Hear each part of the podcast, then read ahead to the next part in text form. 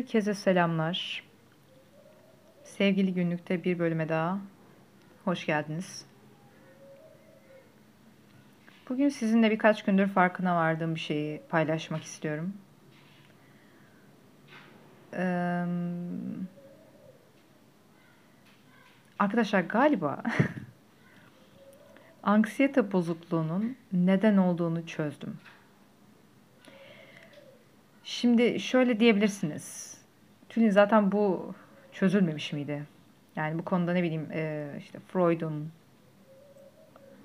işte Leader'ın belki hatta Lacan'ın onun bunun yazdığı bir şeyler yok mu zaten?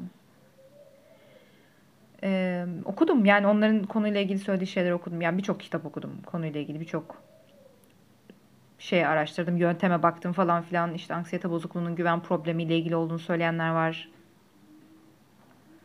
Anksiyete bozukluğunun travmayla ilgili olduğunu söyleyenler var. Anksiyete bozukluğunun e, kayıpla ilgili olduğunu söyleyenler var ki bu konuda 10. bölüm falandı galiba. Ben de Freud'la Leader'ın e, sözlerinden yola çıkarak bir podcast yapmıştım. Yani çeşitli evet iddialar var. Ve ben de şimdiye kadar hep o iddialar üzerinden gittim kendi üzerimde. Yani formül uygular gibi. Formül buysa yani ne bileyim işte x artı y eşittir anksiyete bozukluysa buradaki x buysa y nedir falan şeklinde yani denklem çözer gibi gitmeye çalıştım hep. Bir biçimde e, o kadar da işe yaramadı. Açıkça söylemek gerekirse. Yani sorun kökten gitmedi. Fakat geçen gün bir süredir de böyle ara ara yani çok böyle şey sızı gibi fark ettiğim aslında tam olarak neyi fark ettiğimi fark etmeden fark ettiğim bir takım şeyleri de aslında bir araya getiren bir durumu farkına vardım. Yani ve dedim ki oha galiba cevap bu. Şimdi bu cevabı sizinle en azından ham halini paylaşmak istiyorum. Neden paylaştığımı e, belirteyim. Yani bunu böyle psikolojisi bozuk olanları tedavi etmek falan ya da ne bileyim e, psikolojiyi çok iyi bildiğimi falan iddia etmek için ya da profesyonel yardım destekmiş gibi falan yapmıyorum. Yani bunu bana bunu bana her seferinde söyletmeyin. Şaka söylemek zorundayım. Yasal sorumluluğum. Amacım o değil. Amacım şu. Açıkçası bana deseniz ki senin hayatındaki en büyük idean ne? Yani gerçekten neyi başarmak istersin? Hani vardır öyle bir şey. Ölmeden önce hayatta şunu yapmak istiyorum abi. Şunu yapmış olmak istiyorum. Benim için bu şu. Anksiyete bozukluğundan kurtulmak istiyorum. Yani bunun bunun neden olduğunu anlayıp mekanizmayı anlayıp bundan tamamen tedavi olmak istiyorum. Ve bulduğum bu şeyi yani abi nasıl oluyormuş böyle oluyormuş işte. Demek ki şöyle yapınca olmuyormuş falan. O formül neyse yani o keşfedebildiğim formül neyse de bunu herkese paylaşmak istiyorum. Çünkü o kadar iğrenç bir şey ki bu. Yani Allah düşmanın başına vermesin ki e aslında düşmanım yok yani düşününce. Ama nefret ettiğim insanlar var yani. Hani büyük çileler çekerek mesela ölmesini umduğum insanlar var benim de herkes gibi. Ama onların bile başına vermesin yani anlatabiliyor muyum? Öyle korkunç bir şey. Böyle bunun kliğini falan keşfetsem ve bunu yaşayan herkese paylaşsam ve herkes bu hastalıktan tamamen böyle kurtulsa gerçekten ondan doktora bırakırım mesela. Niye doktora yapayım ki? Ben şey derim ya ben hakikaten hayattaki görevimi ve olayımı tamam. Ben yapacağımı yaptım. Ben vatana, millete, dünyaya hani bir insan olarak Rabbime falan hizmetimi sundum. Gerçekten şey yani bu çok huzurlu ölürüm yani ondan sonra. Kalan diğer her şey artık benim böyle hobi keyif olarak yaptığım bir şey olur. Baya böyle içsel olarak mutmain bir e, levele gelirim. O yüzden e, hep bir şekilde dikkatim burada yani. Dikkatim burada derken hep abi bu ni nasıl bir şey yani? Niye oluyor abi böyle bir şey falan diye düşündüğüm ve hep çözmeye çalıştığım bir şey ve böyle şey gelecek hayallerimde daha doğrusu böyle gelecek fantazilerimde bir yerde şey var yani kafamın içinde. Bunu çözmüş Bununla ilgili belki kitap yazmış, belki ne bileyim işte alıştırmalar düzenlemiş ve bu vesileyle bir sürü insanın da bundan kurtulmasına vesile olmuş bir tülin imajı var. Bunu egoist anlamda söylemiyorum yani hani alkışlar alıyormuş falan anlamında değil. Derdim gerçekten o değil. Ee, hakikaten derdim bunu çözebilmek. Neyse konuya geleyim artık.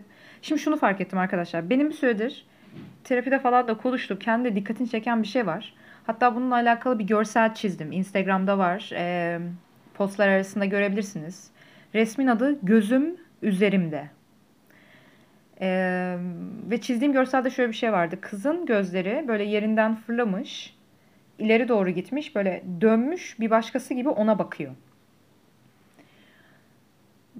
bence anksiyete bozukluğu bakışla alakalı bir şey.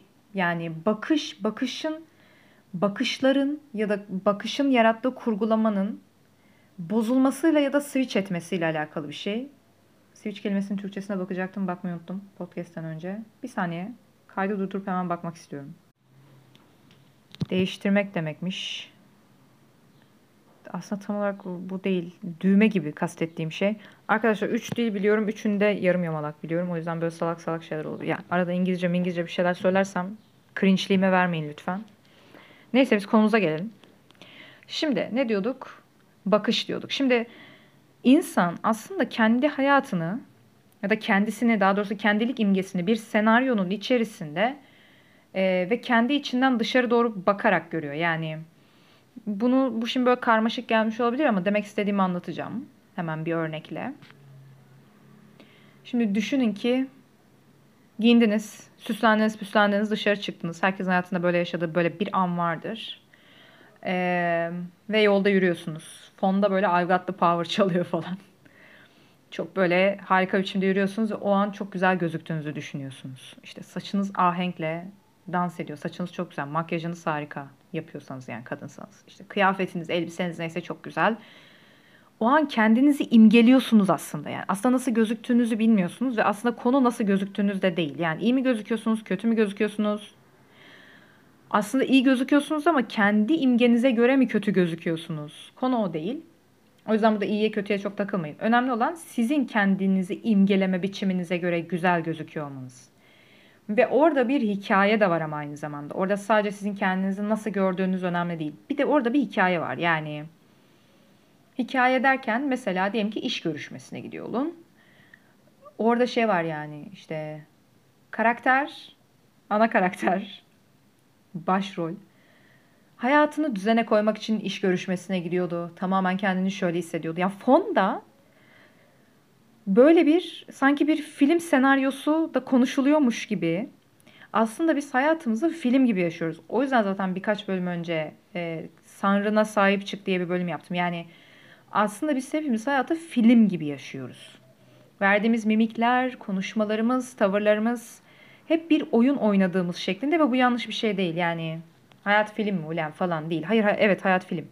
Yani ve kendimizi orada konumlandırıyoruz. Bu bizim filmimiz. Zaten hep böyle bir benzetme de vardır ya hayatta hani. Bu benim filmim. Başrolü benim falan. Hani sen figüranısın falan gibi.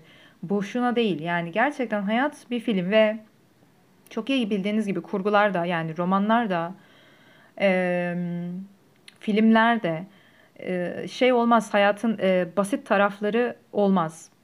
Basit ve belki hatta çirkin tarafları. Eğer konumuzla alakalı yani kurgunun kendisiyle alakalı değilse. Örnek vereyim. Eee işte ezbere bildiğim Harry Potter kitabı 7 kitap yani. Az değil. 7 kitaptır. Yani 7 kitap boyunca Harry bir kere olsun tuvalete gitmiyor abi. Bir kere banyo yapıyor. Yani banyo yaptığından bahsediyor ama banyo da kurguda önemli bir şey. Kurguda bir yere oturuyor. Hiç ishal olmuyor. Hiç ishal olmadı. Bir kere kustu. O da kurguyla alakalı. Yani işte bir olaydan ne kadar etkilendiğini anlamamız için orada bir mide bulantısı konusu eklenmişti. Ee, ne bileyim dişinin arasına yeşillik sıkışmadı bu çocuğun. Biri sana ya bir sana demiş. Biri dönüp çocuğa şey demedi. Dişinin arasında bir şey var falan demedi. Yani kısacası hayatın e, daha belki insani e, diyebileceğimiz kusur diyebileceğimiz tarafları rötuşlanmış bir biçimde bu çocuk kötülerle falan mücadele etti. Yani bir kere gidip yedikleri bir yerde yanlış bir şey yiyip zehirlenmediler. Bir kere yolda yürürken düş, takılıp düşmedi. Ya 7 sene bir insan hiç düşmez mi ya? İnsan dediğin arada bir düşer yani. Hiç böyle bir şey olmadı. Üşütmedi. Bir kere olsun garip olmadı bu çocuk ya. Bütün bir kitap boyunca. Şimdi bizim de aslında normalde gündelik hayatta kendilik ve kendi hayatımıza dair sanrımız bu şekilde. Yani böyle şeyleri varsaymadan yaşıyoruz. Bir film karakteri gibi. Makyajımız hiç akmıyor. Yani kendi zihnimize. Ee, kıyafetimizin işte ne bileyim tam apış arası yırtık değil sokağa çıktığımızda. İşte saçımız başımız düzgün. Ee, ve ne bileyim rahatsızlanmayı, hasta olmayı ya da fiziksel zafiyet göstermeyi beklemiyoruz normalde. Ve buna göre yaşıyoruz. Şimdi anksiyete dediğimiz şey ne? Filmin durduk yere ortada kesildiği anlar var ama hayatta. Çok basitinden şimdi örnek vereceğim size. İşte o anlarda, o filmin kesildiği anlarda anksiyete ortaya çıkıyor. Anksiyeteyi burada zaten kaygıdan ziyade bunaltı olarak yani kaygı ama bunaltı duygusu olarak e, ifade ediyorum. Şimdi mesela harika bir biçimde yolda yürüyorsunuz. Dediğim gibi işte diyelim ki iş görüşmesine gidiyorsunuz. Girdiğiniz işte geldiniz iş yerine apartmanın içeri girdiniz. Ofise çıkmak için apartmanın hemen girişinde ayna var diyelim ki. Ee, ve aynada kendinizi gördünüz ve saçınızın rüzgardan karman çorman olduğunu gördünüz ve bir an şey dediniz. Oha böyle mi gözüküyormuşum? İşte tam o oha böyle mi gözüküyormuşum dediğimiz an var ya orası anksiyete anı. Çünkü birden kendimi varsaydığım gibi değil tam varsaymadığım gibi. Hatta yani şöyle bir şey belki saçınız çok karman çorman duruyor ama belki aslında sizi bir başkası görse şey diyecek. Güzel. Yani ya da o kadar karışık değil. Bana göre yo saçın o kadar karmaşık hale gelmemiş diyecek. Burada konu şey değil yani gerçekten korkunç durumda mı saçınız veya değil. Konu bu değil. Birden aynada kendi aksinizle karşılaşıyorsunuz ve şey diyorsunuz saçım böyle mi gözüküyormuş? Ya da mesela bu durumu şeyde de yaşarız. O böyle bir huzursuzluk verir insana. İşte ses kaydı oluştururuz mesela. Sonra sesimizi dinleriz ve şey deriz. Ay sesim böyle miymiş benim? Hani normalde benim sesim böyle mi çıkıyor? Ya da mesela mimikler verirken kendimizi içimizde de canlandırırız. Mimikler vererek bir şey anlatarak, anlatırken falan bunu yaparız. Sonra tak diye o an mesela diyelim ki video kaydına alındığınız kendinize bakarsınız. Ay böyle mi konuşuyorum ben, böyle mi davranıyorum dersiniz. Yani insanın kısacası kendisiyle e, yüzleşmesinde her zaman böyle bir bir irkilme anı vardır. Şimdi bu aslında en düşük yoğunluklu stres, huzursuzluk ve buhran anı. En düşük yoğunluklu. Çünkü varsaydığım bir halim ve filmim var.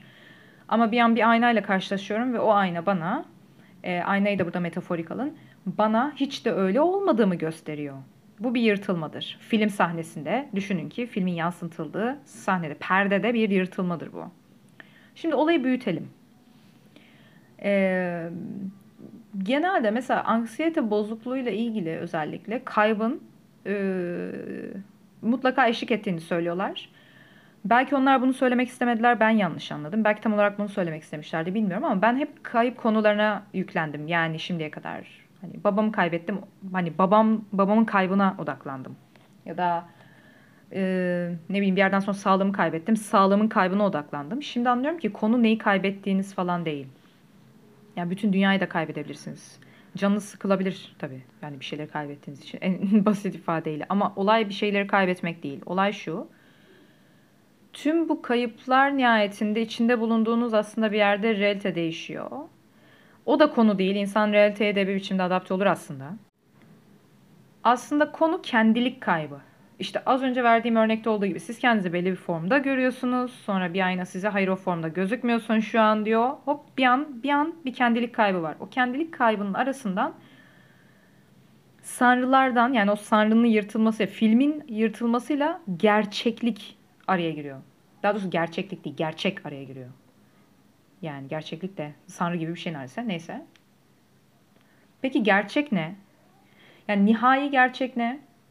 Hepimiz öleceğiz. Nihai gerçek bu. Yani ölümün kendisi olmasa da ya da ölmek olmasa da aslında ne kadar zayıf, hastalığa meyyal ve ölümlü canlılar olduğumuz.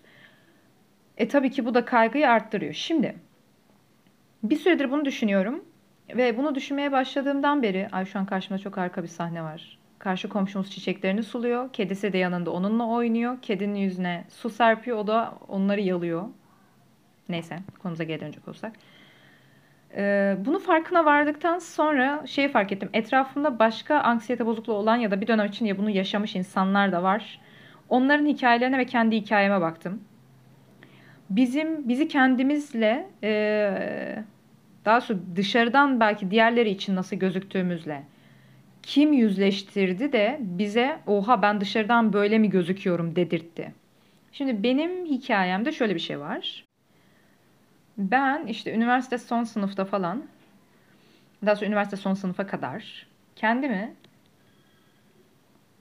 mücadeleci, her şeye rağmen işte okuyan, her şeyin üstesinden gelen büyük macera perest, dehşet Amazon böyle bir genç kadın gibi görürken Biri bana şey demişti.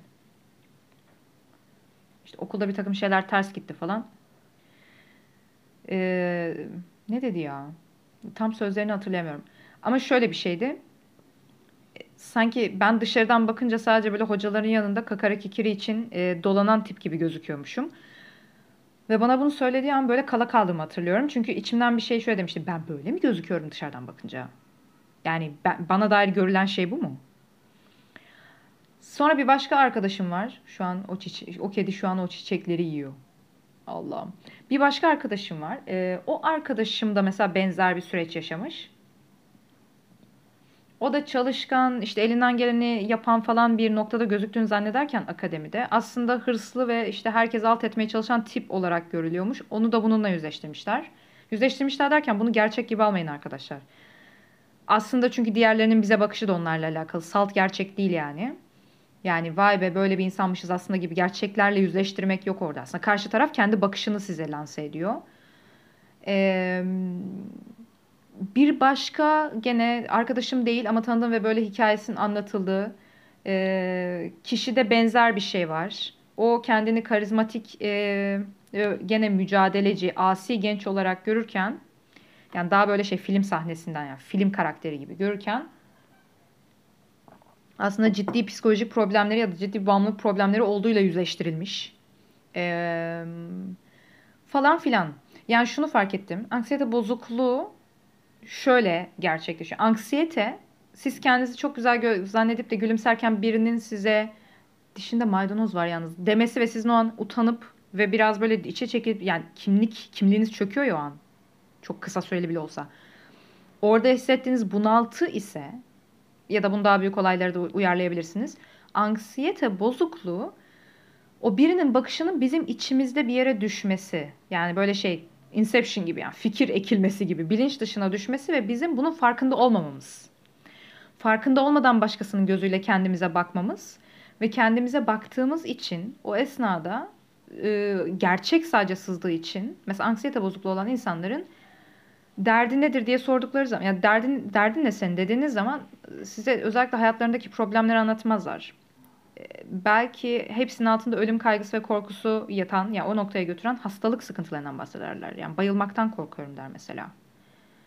İşte e, vücudumun verdiği, verdiği reaksiyonlar yüzünden gerçekten sağlığımdan olmaktan korkuyorum. İşte kalbim o kadar hızlı atıyor ki ölmekten korkuyorum. Neden? Gerçek sızıyor çünkü oradan. Şimdi e, ne diyordum? Anksiyete bozukluğu. Anksiyete bozukluğu ise şu işte biri size aa sen dışarıdan böyle gözüküyorsun diyor ve siz o an şey diyorsunuz. Oha ben böyle mi gözüküyorum dışarıdan? Ve bunu dediğiniz an zaten o an bir bunaltı anı. Ama bir de eğer bu içe düşerse yani birden içinizde bir şey bu fikre ay galiba böyle ha falan derse yani orada insan kendisinden şüpheye düştüyse kısacası işte o zaman bu yoğunlaşıyor bu içe düşüyor. Ve anksiyete bozukluğunu bence gideren şey şu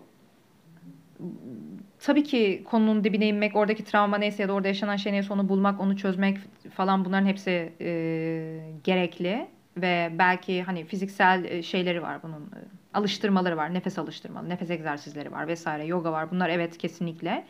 Ama bence önemlisi şu. O düğmeye tekrar basıp yani o düğme şey gibi düşün, on off düğmesi gibi düşünün. Ee, tekrar ona basıp kendi içimizden bakmak. Yani bir diğer deyişle kendi hayatımızı gene bir film gibi yaşamak. Çünkü hayat dediğim gibi bir film gibi yaşandığında orada e, orada ölüme yer yok. Orada e, sıkıntılara, problemlere yer yok. Olduğunda bile o kurgu içerisinde anlamlı.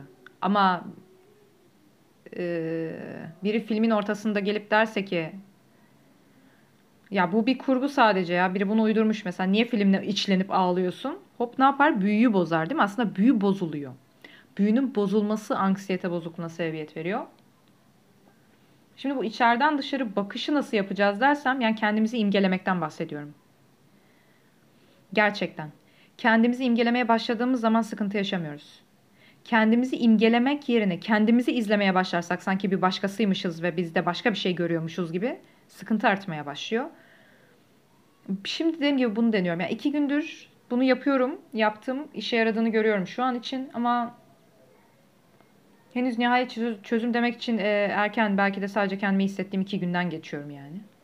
E, dolayısıyla biraz daha bu konu üzerine e, araştırma, taktik vesaire falan geliştireceğim ama bu sefer gerçekten bu arada gerçekten bulduğumu hissediyorum. İnşallah öyledir. Ama dediğim gibi mesela bundan kimsenin bahsettiğini görmüyorum. Yani hiçbir kitapta böyle bir şey okumadım şimdiye kadar. İster kognitif kitap olsun, ister psikanalizcilerin yazdığı kitap olsun. Hiçbirinde direkt bu bakışla alakalı ve oradaki sanrı ile alakalı bir şey görmedim. Ee, ve bence önemli bir noktaya parmak basmak üzereyiz arkadaşlar hep birlikte. Eğer sizde böyle bir şey varsa bir düşünün. Hatta e, yani Twitter'da, Instagram'da adımla varım. Bana ulaşın yani. Böyle bir şeyiniz varsa, aa ben de hatırladım şimdi. Bende de böyle bir şey olmuştu hatta ondan sonra başlamıştı falan. Gibi bir durum varsa paylaşırsanız çok sevinirim. Evet, yoldaşlar. Bugünkü programımız bu şekilde. Kendinize iyi bakın. Daha sonra çok çok daha sağlıklı biçimde görüşmek üzere. Hoşçakalın.